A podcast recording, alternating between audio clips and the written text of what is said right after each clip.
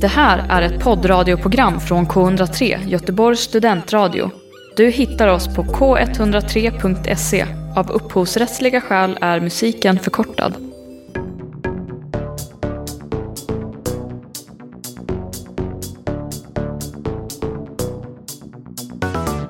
Varmt välkommen till dig som lyssnar. Du har rattat in eller på ett eller annat sätt tryckt dig in för att lyssna på stafetten och det är vi väldigt glada för. Vi är en eh, liten redaktion som sänder på Studentradion i Göteborg eh, och det gör vi från Studenternas hus i närheten av Götaplatsen. Dock inte live och framförallt inte idag för att eh, jag ska säga att det är ett väldigt... Kom in. Kom in. Kom in. Hallå? det var någon som knackade, tror vi. Nej, nej, nej, okej. Det var ingen där. Jag som pratar nu heter Daniela Holmberg och mitt emot mig har jag Anna Axelsson.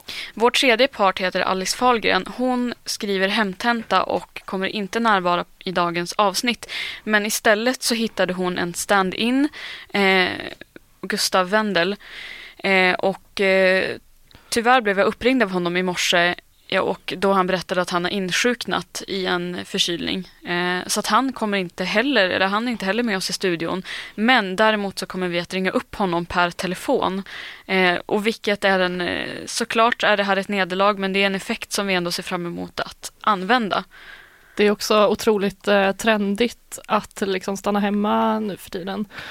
Eh, I och med coronatider så han följer ju verkligen alla restriktioner. Minsta nysning så ska man ju liksom ja, men exakt. avvara sociala sammanhang. Så det känns, vi känner oss väldigt hippa och rätt i tiden att ha med honom på länk Vi känner idag. oss ja, på länk minus video, så det är verkligen en sån här back to basic det blir ett telefonsamtal med Mm. en stationär telefon här från studion. Eh, men en absolut, för det är också någonting vi kommer att prata om och dagens avsnitt kommer i vanlig mening att innehålla en nutidsuppdatering från oss. Sen har vi alltid vardagsbetraktelser, mer kring vad man har sett och vad man har tänkt snarare än hur man mår. Och så har vi ett tema och i dagens tema så kommer vi att prata om eh, dokumentation och dagböcker och eh, sådana här dokument. Vi kommer dela med oss av dem och läsa ur våra anteckningar och dagböcker. Eh, och vi kommer också prata lite sprött om dem. Men precis som du säger Anna också så är ju corona en elefant i rummet verkligen. Vi kommer också att beröra det och eh, kanske säga något kort om vad har hänt sen, sen de två veckorna som vi var här sist. En hel del faktiskt. Mm. Eh, men, men innan vi ringer upp eh, Gustav och, och hoppas att tekniken är med oss så eh, tack igen för att eh, du är med och lyssnar på stafettens eh, 14 avsnitt. Vi ser fram emot ett matigt avsnitt.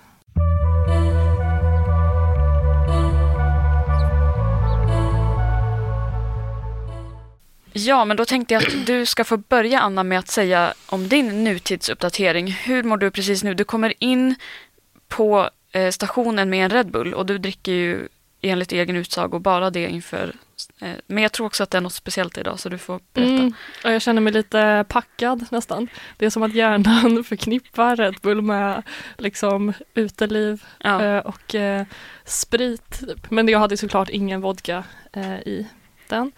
Nej, men jag har sovit lite dåligt på sistone och känner mig lite så disträ och så upplever jag att eh, energidryck gör verkligen susen inför inspelning för man hamnar i någon slags så här speed eh, mode typ, så man går in på någon autoenergi som jag känner behövdes nu. Mm, mm. Ja, hur mår du?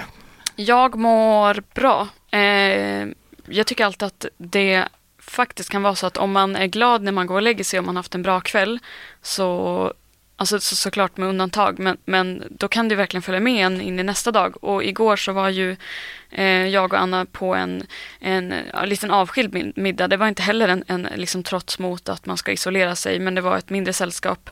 Och i, i tider där vi resonerade att man, man följer mycket, men att liksom, vi, vi ansåg väl ändå att vi fem kunde äta middag ihop.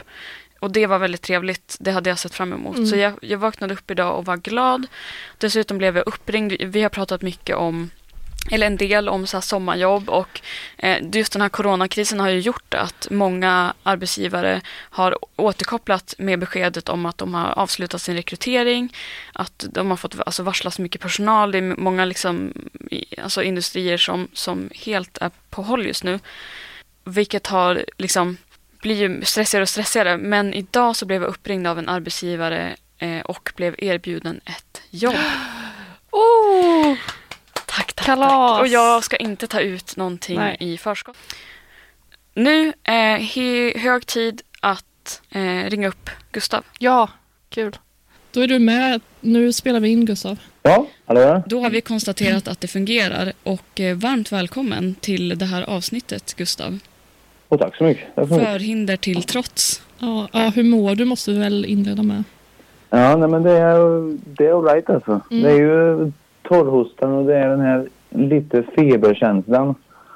Och så är det inte hur mycket feber jag har egentligen. Så att det är, man är ju inte, jag är inte utslagen.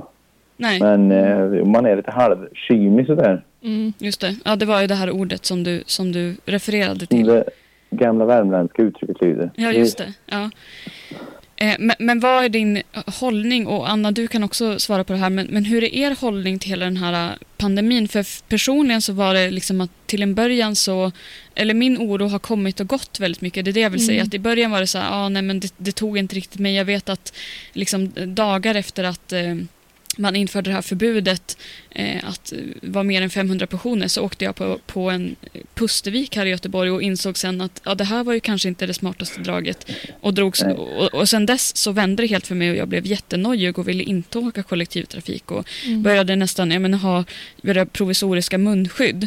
Och sen insåg jag, och för jag hade liksom lite ont i ryggen. Och, Kan du berätta hur du konstruerade dem? Eh, nej men det var ju halsdukar och det var ju polotröjor så det var ju egentligen inte så alla sådana fyndiga som man har sett. För jag har sett många som har tagit vad som Du ser ut du insåg snabbt att det inte går att andas genom plast till exempel. ja, gladpack. Lösningar med, med lite stickhål. Nej, men hur, hur, hur följer ni med i det här? Och det finns ju många lager i den här debatten. För det finns ju också, man kan ju också närma sig kring ja, men reflektioner i, i hur... Nej, nu ska inte jag prata mer. Nu, nu får ni säga något. Hur har ni... Och hur känner du nu, Gustav? Känner du dig orolig som sjuk? Nej, men som sjuk känner jag mig inte alls orolig. Jag tror ju, jag har ju, jag tror att jag klarar det ganska bra och jag tror att så, så sjuk som jag är nu är nog det värsta jag kommer bli. Ja, Mm. Känns det som. Eh, däremot är jag orolig, det som jag är mest orolig för det är ju att smitta någon. mm, Mm. mm, Eh, och jag tänker på igår till exempel var jag hos en polare när jag började känna mig lite, när jag började känna kymigheten Mm. nalkandes Mm. inne i bröstkorgen. Och då hade jag åkt till exempel kollektivtrafik där och dagen innan så var jag också ute och åkte och, Mm. det, och då kände jag ju ingenting. nej. Och det hoppas jag ju verkligen inte att jag har smittat någon, och särskilt om inte någon riskgrupp. Så det är nog det som jag är mest orolig för. Alltså. Jag håller med. Jag har Ja, det- också känt så. Ja, det känns som att det är det som liksom genomsyrar alla i ens omgivning som är i vår ålder. Att så här, man tar ganska lätt på sin egen hälsoaspekt men just de här oklarheterna kring inkubationstiden, hur länge kan man gå runt med det utan att man Mm. ger symptom och allting. Det känns som det är det som är värst nu, just Mm. nu, eh, när allting fortfarande är så oklart. Ja. Ja. men jag tycker man svävar verkligen i det här limbot mellan den totala mediahysterin Mm. Eh, och den här typ chillheten som också typ min mamma, min pappa har som också är lite så här riskgrupper, de är lite äldre så. Som, som vet man, all- man vet inte riktigt var man ska landa i det. Man, det, det är mycket dagsform och sådär, vart man är i psyket.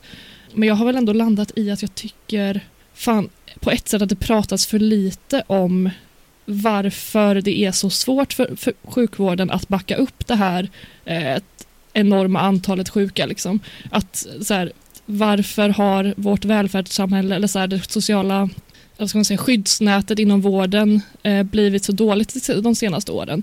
Eh, och det är väldigt mycket så att skulden läggs på enskilda individer, att vi ska ta så här mycket enskilt eh, ansvar. Och det ska man ju såklart göra också.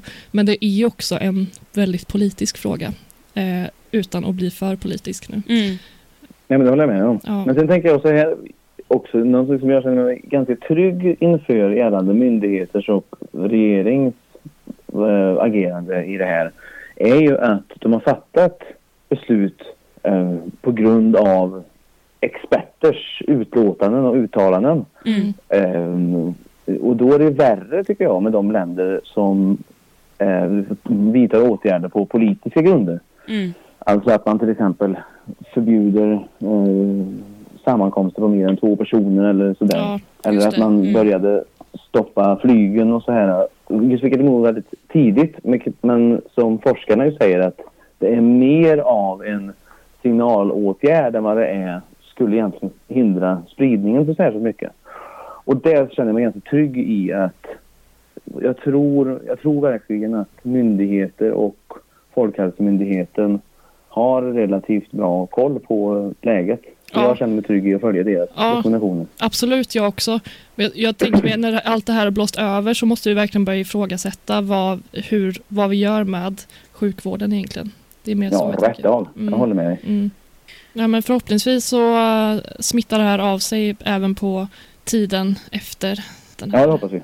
Yes. Mm.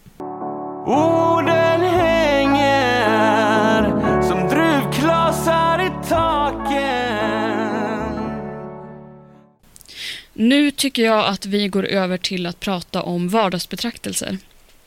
Eh, och eh, skulle du vilja börja, Anna? Åh, oh, herregud. Ja.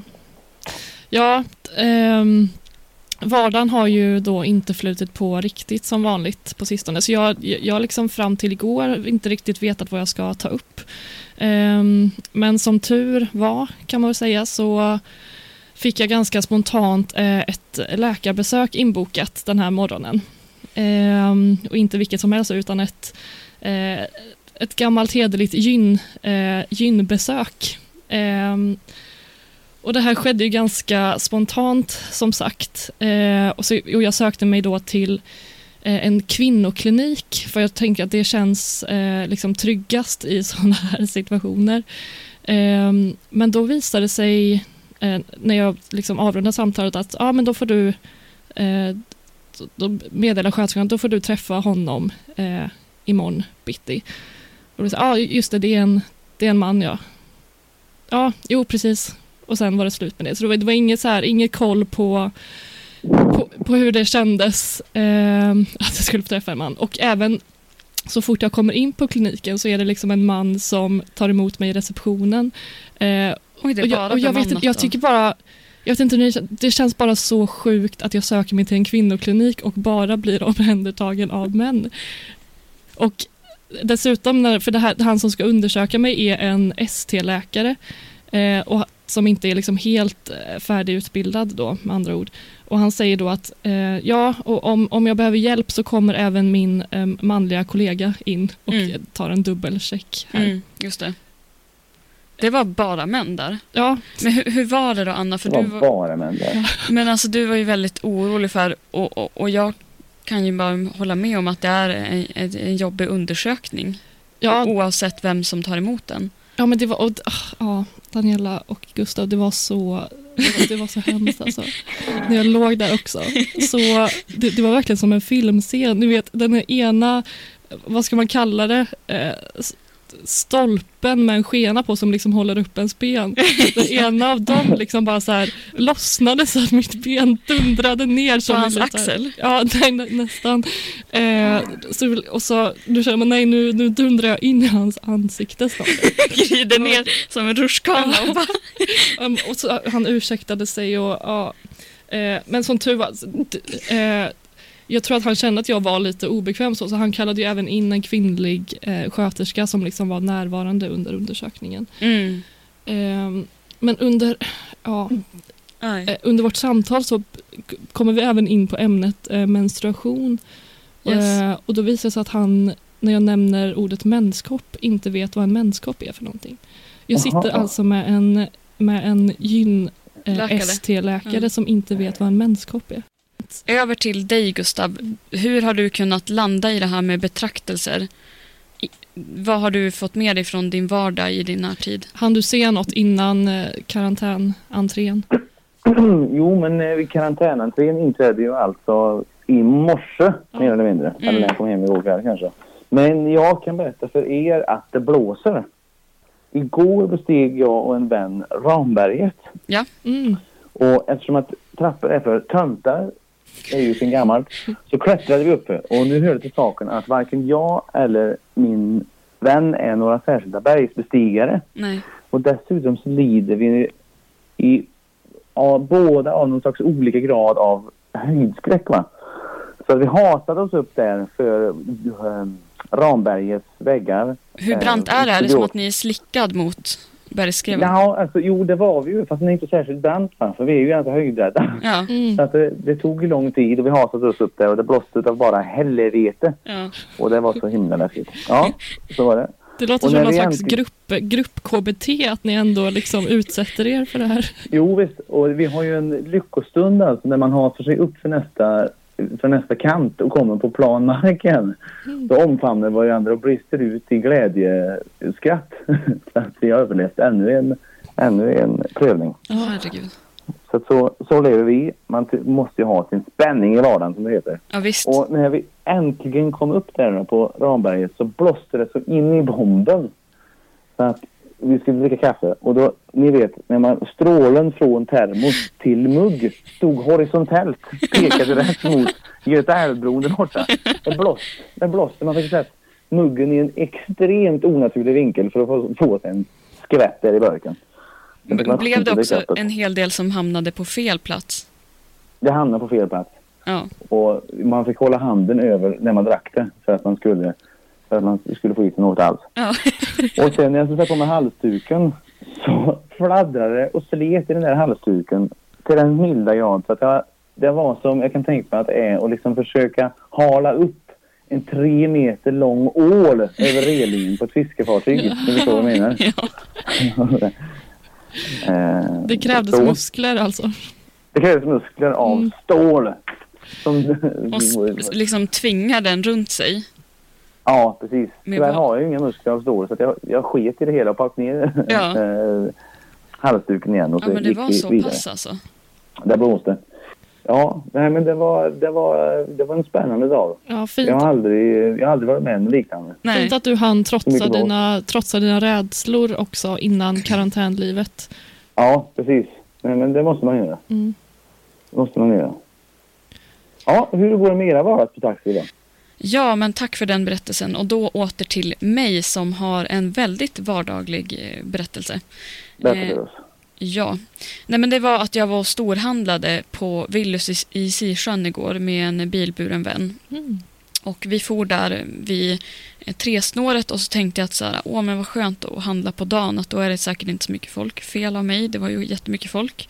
Och min väns analys var ju att ja men det är väl förmodligen många som inte jobbar nu, vilket ja, det säger väl också något om vår samtid. Det var mycket folk på Willys och en av mina eh, medkunder, alltså som eh, gick där kundvagn i bredd med mig, eh, gick runt med cykelhjälm, alltså på huvudet.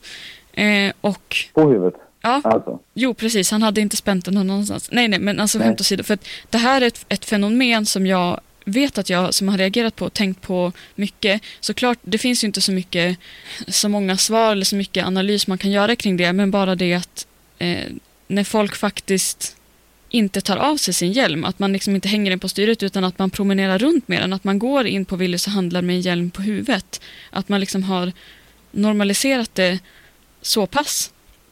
Många har ju svårt att bara ha en hjälm när man sitter på sin cykel. Ja, Precis, för jag kan eh, kontrastera det här med att jag tror att många kan provoceras av att jag ibland har cyklat runt med cykelhjälmen i min eh, cykelkorg där fram. För att jag, jag tycker det är så outhärdligt när man blir, alltså en varm sommardag och så blir man sådär eh, gravt svettig i hårbotten. mm. Då prioriterar jag eh, bekvämlighet framför säkerhet. Säkerhet. Mm. Det är ju oerhört provocerande. Det är ju mest för att provocera också, skulle jag kunna tänka mig. Ja, ja, jag har inget emot det. Men gör du det liksom i nutid? För, för det där känns ju som en grej liksom i, i sina unga tonår att man gjorde så. Ja, när men man det, var cool. Ja, Exakt. men, nej, men för, det är ju också för att det blir så satans varmt. Alltså ville jag vara cool så skulle jag ju lämna cykelhjälmen hemma. Men jag har ju redan Mm. sagt i stafetten att jag använder cykelhjälm när jag cyklar. Men jag, däremot tar jag ju alltid av den. Men, men man kanske inte behöver dramatisera det för mycket. Men det som jag kan se som positivt med han, den här eh, kunden och andra, för det är också fler som gör så här att man bara promenerar med en hjälm. Det är väl att det ändå är positivt för att det här är ju ett plagg eller en accessoar eller vad man vill säga som helt klart måste, måste höja status på. Så det är väl positivt att den exponeras i högre utsträckning. Jag tänker också att det finns, det kommer en punkt då man slutar bry sig. Mm. När man går kring med den här cykelhjälmen Ja. och om det är någon som tycker att, tycker att herregud, du kan ju inte ha den där. Du borde ha en tyrolerhatt istället. Ja, Så kan man bara, så kan man bara avfärda det hela. just det. Mm. Utan att skämmas Mm. över en cykelhjälm. Mm. Jag längtar efter dagen. Nej men för det, och, och, och man vet ju inte för att det, rätt vad det här, det här kanske blir något som räddar någons liv för att vem, man kan ju ramla även på två ben eller halka på en affär, det är någon slags mjölk som har läckt. Och så ligger man där med bakhuvudet i, men då har man sin hjälm.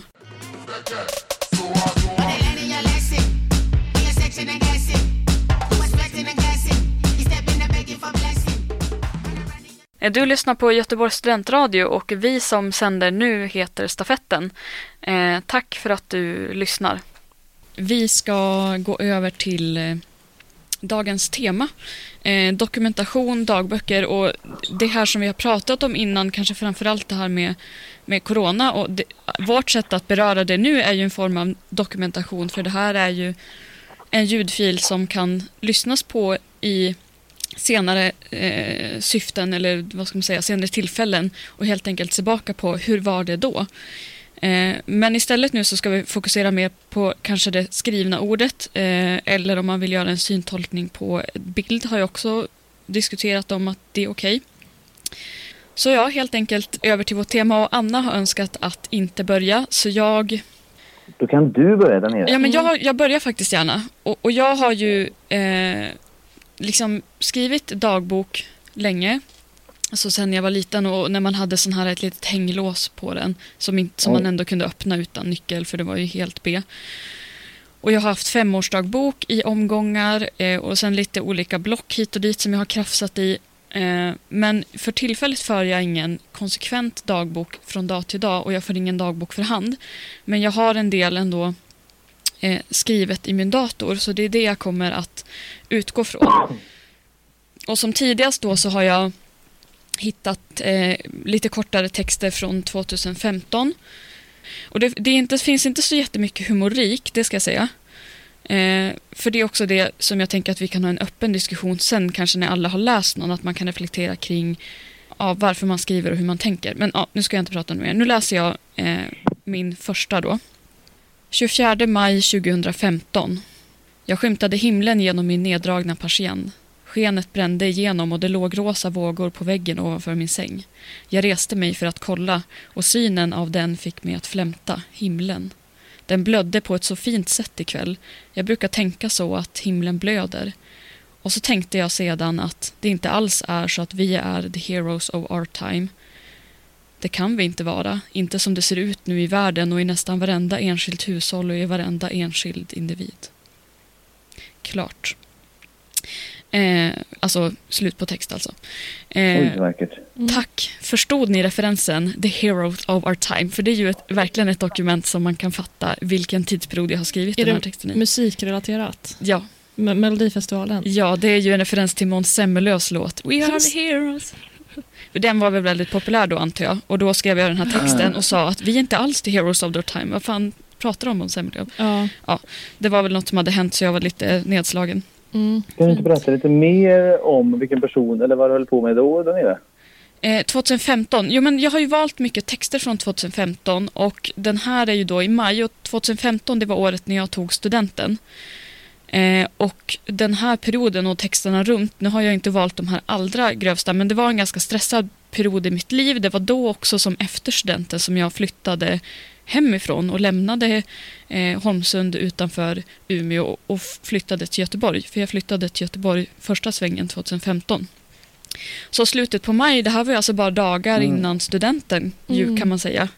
Eh, och ja, det, det var mycket oro i, i mig tror jag inför det och, och, och sådär blandade känslor för det som ska till var ju att jag var inte över entusiastisk till att flytta. Det var något mer som jag bara såg att så här, det är någonting jag måste göra fast jag hade ju ingenting jag måste hit för, för jag hade inget jobb och jag skulle inte plugga utan det satt nog bara i mig i så här småstadssyndrom alternativt syndrom för norra Sverige att så här, du får inte bli kvar här för då suger du typ. Eh, därav eh, en flytt mot alla odds. Men nu vill jag gärna att vi, att vi kör ett varv och jag har fler eh, från samma tid, från samma år. Men, men ska vi ta dig Gustav? Det kan vi göra, vet Något, något som du har krafsat ner eller på något sätt. Eh, då ska vi se här. Någonting som jag kastat ner. Jag har ju den dagbok som jag har tillgänglig här. För jag har skrivit dagbok fram och tillbaka. Men den dag- dagbok som jag har tillgänglig är min nuvarande. Ja. Och den sträcker sig inte mer än till november i fjol. Mm, Eh, och då var fan befann jag mig i, i Jamaica. just Jag det. pluggade. Mm. Eh, och så framåt då. Jag kan börja med den här som inte så länge sedan. Det här är alltså i kanske 18-19 februari. Då skickade jag en bild till dig nere här. Ja. Är du med på det? Eh, ja, jag, jag ska dra av mitt flight mode, ta emot en bild. Check. Jag ska ta emot bilden här. Så ska du se. Det där är alltså en bild som är ifrån en ekoby. Mm.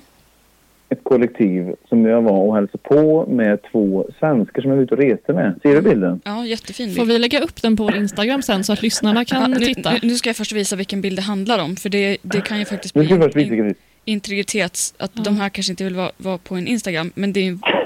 Jädra vilken bild alltså. Okej, just det. Vad säger om bilden? Ja, Det kanske inte blir Instagram på den. ska vi göra en syntolkning?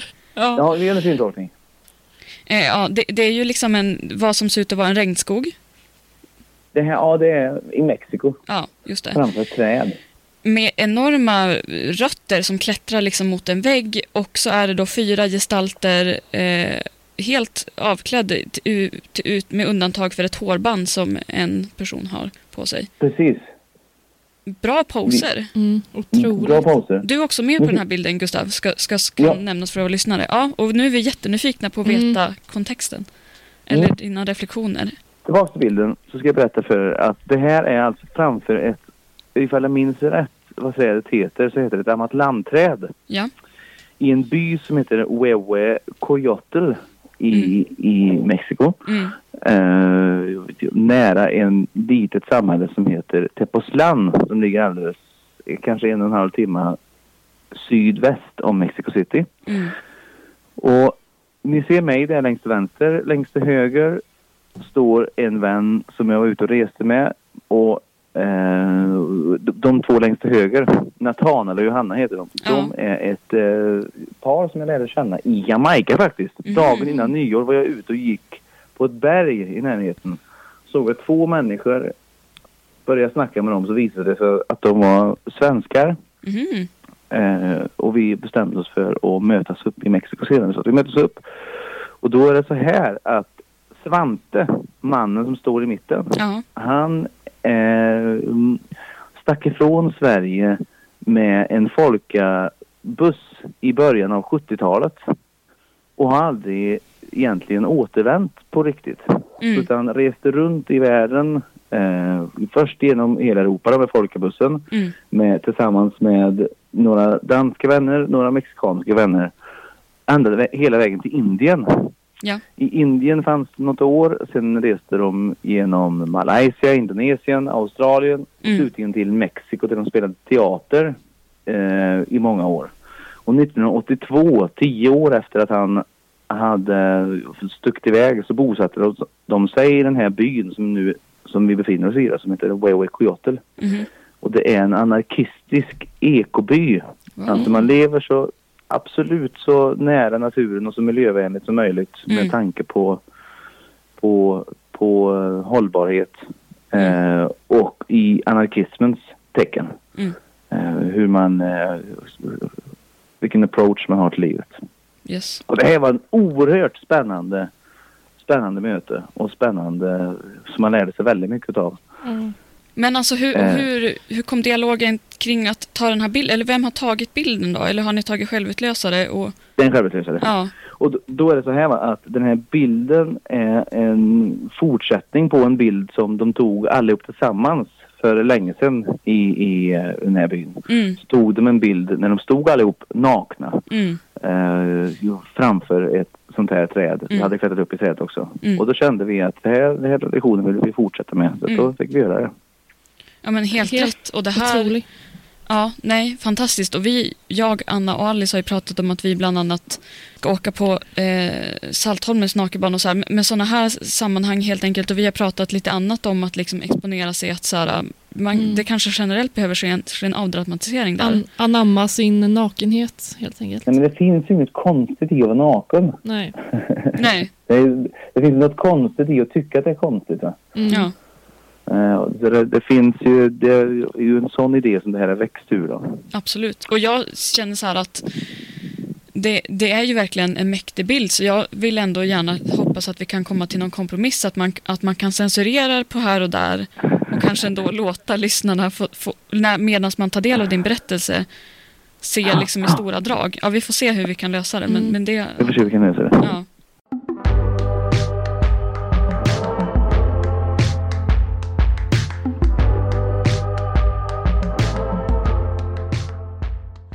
Jag har varit li- eller lite nervös över det här för att jag blev varse om dagens tema ganska sent igår eh, och jag, liksom, jag har också dokumenterat mitt liv sedan jag var liten, började skriva dagbok tidigt. Så jag har så himla mycket eh, som jag skulle vilja dela med mig av från främst så här barn och tonår för att jag tycker en språk har liksom, eller det var så himla annorlunda då helt enkelt och ens liv såklart. Mm. Ehm, men alla de böckerna ligger och skräpar hemma hos mamma. Så jag tänkte så här, fan jag åker dit i natt eller jag åker dit tidigt imorgon bitti för att hämta ner dem. Liksom, det är värt det, det, det är för content. Men jag insåg liksom mina begränsningar helt enkelt. Ja, för det var, Eh, skulle vara på bekostnad av din gyntid. Men Ja, du har precis. med dig ändå en fysisk femårsdagbok. Jag har med mig min fysiska femårsdagbok. Jag vet inte hur Wow. bra content det skulle bli dock. Kan vi Så- inte köra en klassisk tummen i pärmen Ja, bara? men, nej, utan nu har jag istället också tagit med mig i digital form eh, min digitala dagbok som jag påbörjade 2016, Ja. tror jag. Eh, så det är många dokument och jag tänkte helt enkelt göra en touchdown i det dokumentet. Ja, Jag scrollar, ni säger stopp och där tummen landar måste jag helt enkelt ta vid. Ta Ta vid. ton. Måste vi säga stopp samtidigt? Nej, Det men jag, så himla svårt att säger, tänka. just det, men Ja. om... Gustav, du får säga stopp. Eh, Okej, jag säger till snart när jag börjar scrolla då. Ja, jag är igång. Eh, stopp! Åh herregud. Det börjar bra. Ja, Ja. ja. låt höra. Åh nej, åh herregud. Ja. Nu måste du, Anna. Nej. Jag, kom, jag kommer blipa vissa namn här då. Ja, det är bra. Det, Nej, men, ja. ja, Om du absolut inte vill det så kan ju Dan- Daniela göra. Hon kanske gör ett bättre stopp än jag gör. Mm, nej, men Just det. vi, vi, kör. Ehm, Vi kör. 21 december 2018, fredag. Jag mår bättre och det är obeskrivligt skönt att kunna skriva det. Till största del känner jag inte att jag saknar bli, beep. Det känns i alla fall så oftare än motsatsen. Nej men gud, jag tror inte jag kan fortsätta här. Det är så utelämnande verkligen. Men är det med namn eller för egen del? Eller? Ja, ja, det är mycket namn och så. Jag, fan, jag undrar om jag kommer kunna skapa något content här. Alltså. För det här är verkligen den dagboken där jag liksom har bara vräkt ur mig mitt mående och eh, liksom dagsform konstant. Okej, kan vi göra ett nytt försök? Okej, men då... Du sa att du började, är Daniela 2000, tur. du började 2016. Kan du inte dra åt andra hållet så man får liksom få en chans typ innan, innan jag och Gustav träffade dig? Att man Ja. får något innan vår tid. Ja, Och nu, nu sveper du och då säger jag stopp. okej, jag tar den här meningen bara. Mm. Jag diskuterade livet med min chef häromdagen. Vi pratade om hur det kan vara så svårt när det borde vara så enkelt. Alla i ens omgivning, omgivning mår dåligt mer eller mindre. Mest mer. Så var det inte förr eller? Nej men gud, det här går, nu börjar jag prata om min dödssjuka pappa. Det, alltså, jag, jag vet inte, alltså, det här kommer inte bli bra content. Nej, Eller, alltså, för jag vet inte om jag kan. är det för, för nära? Men, men ska vi gå över till en allmän diskussion kring varför man skriver? För att jag kan Mm. känna själv... Ja, vi kanske helt enkelt hoppar min del. Nej, men vi har fått lite fragment och för det, det som är att du är ju otroligt transparent, Anna, Mm. när du skriver. För att ibland när jag skriver så känner jag alltid någon slags grej i mitt bakhuvud att så här, det är någon som kommer läsa det här. Att jag, inte kan, jag kan in, ändå inte ta ut svängarna. Mm. Och en del av mig tänker vissa gånger att jag vill att någon ska läsa det här, kanske ett framtida barn eller någonting, att jag vill att, så här, att de ska få ta över det här. Mm. Så den här liksom, jag kan inte överlåta mig själv helt, men, men hur känner ni när ni skriver dagbok? Om vi tar eh, Gustav först, du, du Mm. har hängt med och varit tyst ett tag. Nej, men jag skulle vilja säga att det, som, det enda som jag tänker på när jag skriver en dagbok det är att för mig så blir saker ganska verkliga och tydliga eh, när jag skriver ner dem. Mm, Så om jag har ett problem eller om jag brottas med någonting och så går jag och skriver ner det, då blir det verkligt plötsligt. Mm, Men det kanske inte behöver vara det, det kanske bara är ett hjärnspöke eller och så vidare. Så Mm. det är nog det enda jag tänker på. Sen tänker jag nog väldigt mycket på, eller har funderat på om någonting skulle hända mig. Vem ska läsa mina dagböcker? Mm. Vem ska få göra det? Ja, man, Känns Eller inte, ska man, eller ska man bara tejpa ihop allihop och skriva en stor skylt bränn dem? För Ja, fan i precis. helvete. eller liksom göra något slags, upprätta något slags testamente över vem som ska få ta del av olika delar. Ja, precis. För det är ju ändå en... en Sidan 17b ja. Riktat till dig. till farbror Måns. Men jag har alltid den tanken på att, eller och kanske det, att jag känner att jag vill att folk ska läsa. Jag vet inte, det är lite konstigt för det kanske blir lite baktalande med själva syftet om att det ska vara hemligt och för sig själv. Ja, jag vet inte. Ehm, det, det finns en hårfin gräns mellan om man bara skulle kollapsa nu liksom Mm. och ett, ens omgivning skulle ta del av det. Som att eh, folk kanske skulle få en ny bi- bild av en. Kollapsa. Ja. eller, liksom, eller bara skulle en, deras bild av en förstärkas ännu mer. Liksom. Mm. Ehm, för det kan säkert stå saker i mina dagböcker som skulle göra folk besvikna. Mm. Ehm, jag, jag, jag vet inte. Men, men du känner ingen sån spärr när du skriver att så här... För, för, för just du, du, har, du skrev lite på digitalt sa du, men också mycket för hand. Ja. Eh, och då... Ja. Nej, men jag har är varit så rädd när jag reser att min dagbok, att min väska ska bli stulen med dagbok eller att man ska glömma den någonstans. Ja, för min fysiska dagbok kör jag ju fortfarande liksom eh, old school, gömmer på en säker plats Ja. inne på rummet. Så Ja. Det skulle lika gärna kunna vara ett nyckel eh, eller så här, lås på den. Just det. S- så jag, jag skulle nog tycka det var förödande om någon tog del av det i, idag. Alltså. Men, eh, inte, in, inte förödande, gud. Eh, men ja, det, det tåls att tänka på huruvida eftervärlden ska få ta del av dem. Jag har Men man ju... måste ju man måste fundera över vad man har sin dagbok till. Ja. Mm, För precis. jag tänker på den, um, mina före detta dagböcker som jag skrivit tidigare i livet. Då har det varit en sån här, okej, vad jag gör med den här boken nu, nu skriver jag varje kväll eller så ofta jag vill. Mm, Eh, och så beskriver jag vad som har hänt under dagen. mm, Men sedan jag började fundera på, det heter dagbok alltså. Mm. Och då tänker jag att ja, men, om jag använder den som en dagbok, alltså man formulerar ordet på ett annat sätt, en bok man har om dagen, mm, så kan man ju se helt, så när jag börjar använda, använda den som en sådan, mm, så har jag börjat att slappna av väldigt mycket mer. Så att i min dagbok här mm. så har jag ju eh, recept Ja, från Jamaica. Jag har ordlistor på rastafari-ord. Jag har eh, telefonnummer. Mm. Jag har eh, tankar och idéer. Så man, använder boken till allt ja enkelt. jättebra. Ja. Och det tror jag är, för mig i alla fall så har det varit en viktig, eller en viktig transition där. Eftersom att jag inte kommer på, eftersom att det, jag inte kommer på det svenska ordet. Mm, Från att bara vara en bok där man skriver vad man gjort om dagen. Mm, till att exakt. man använder den mer kontinuerligt. mm. Ja, fan du sår en idé här. Att det inte måste Ja, vara bra. separata dokument för alla. Liksom. Nej, nej. Utan då blir det verkligen mer ett så här livs, eh, livsdokument typ. Mm. Ja. Och då släpper den här, då, så behöver man inte känna något man kan ju till och med känna ett dåligt samvete inför en dagbok. Att typ Mm. att nu har jag inte skrivit in i den Ja, väldigt mycket Där, så. Mm. Men med en sån här bok behöver man inte någonsin reflektera över det. Den här använder bara till anteckningar eller vad som helst. Åh, är jag är också inspirerad. Men Mm. jag ska berätta som en anekdot bara, för jag var och hälsade på en vän till mig eh, under julhelgen och eh, hon berättade att hon hade läst en bok som, eh, som hade handlat om att den författaren hade förespråkat att man skulle, så fort man vaknade varje dag skulle man sätta sig en halvtimme bara och skriva så mycket som man hann under den tiden. Eh, och då hade hon anammat det och satt varje dag liksom innan frukost, innan någonting och bara så här. För ofta när jag skriver också så blir det att man skriver på kvällen när man ska summera en dag. Så dels har man ju vänt på, på eh, eh, konceptet redan där, att börja dagen med att skriva när man är helt liksom blank i stort sett. Eh, men det som också var grejen med det var att när hon då hade fyllt ett block, ett anteckningsblock för hand, då gick hon med den på återvinningen och slängde den. Det var, liksom, det var, inte, till, det var inte till för att behållas, det var bara för att få ur det sig och typ reflektera och för skrivandets skull och typ det blev som en meditation typ. Och sen hon bara kasserade det och då så här revs det i mig för jag är så här samlare och jag vill bara typ dokumentera allt och att allt ska liksom finnas kvar. Men därför blev jag så imponerad att bara wow, hon kastade allt hon hade skrivit. Ja, det är fint. Ja, det bevisar ju återigen att alla använder det på olika sätt. Olika sätt. kan fylla tusen måste, hitta, funktioner. man måste bara hitta sitt sätt. Ja.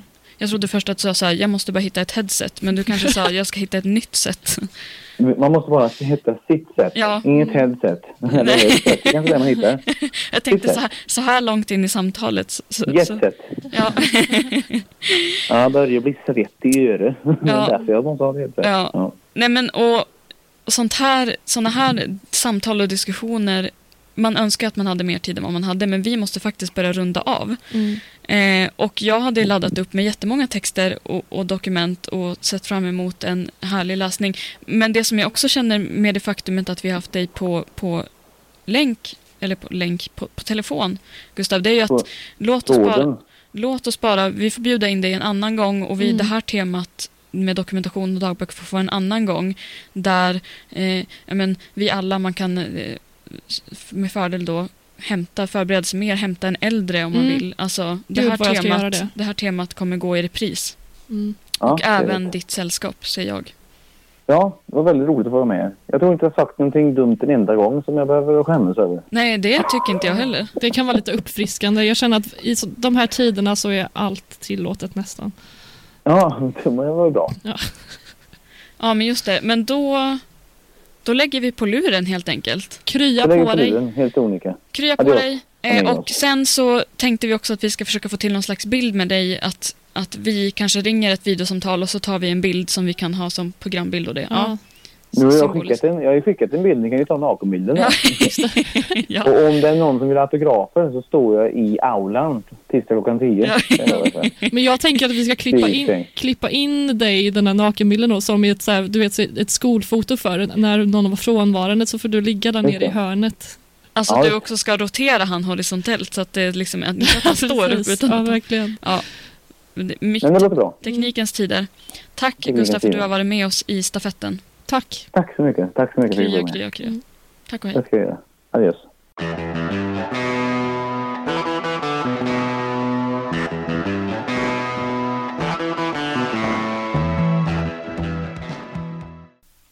Så, men tack eh, kära lyssnare för att du har lyssnat på stafetten.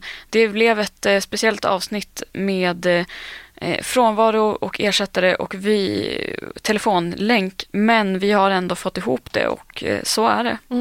Vi hoppas kunna vara tillbaka full styrka nästa vecka. Ja, Det tror jag. glöm inte att vi finns på sociala medier, där heter vi stafetten 2.0. Mm. Vill man kontakta oss så kan man göra det i DM där eller via K103s hemsida. Och vi har också ett fack här på Studenternas hus om man vill lämna ett fysiskt brev. Lite mer analogt. Exakt. Ehm, jag heter Daniela Holmberg Jag heter Anna Axelsson. och vi ihop med Alice Fahlgren den här veckan ersatt av Gustav Wendel på telefonlänk är stafetten. Eh, tack så mycket. Puss. Du har hört en poddradioversion av ett program från K103. Alla våra program hittar du på k103.se. Följ oss gärna på Facebook eller på Instagram. Vi hörs!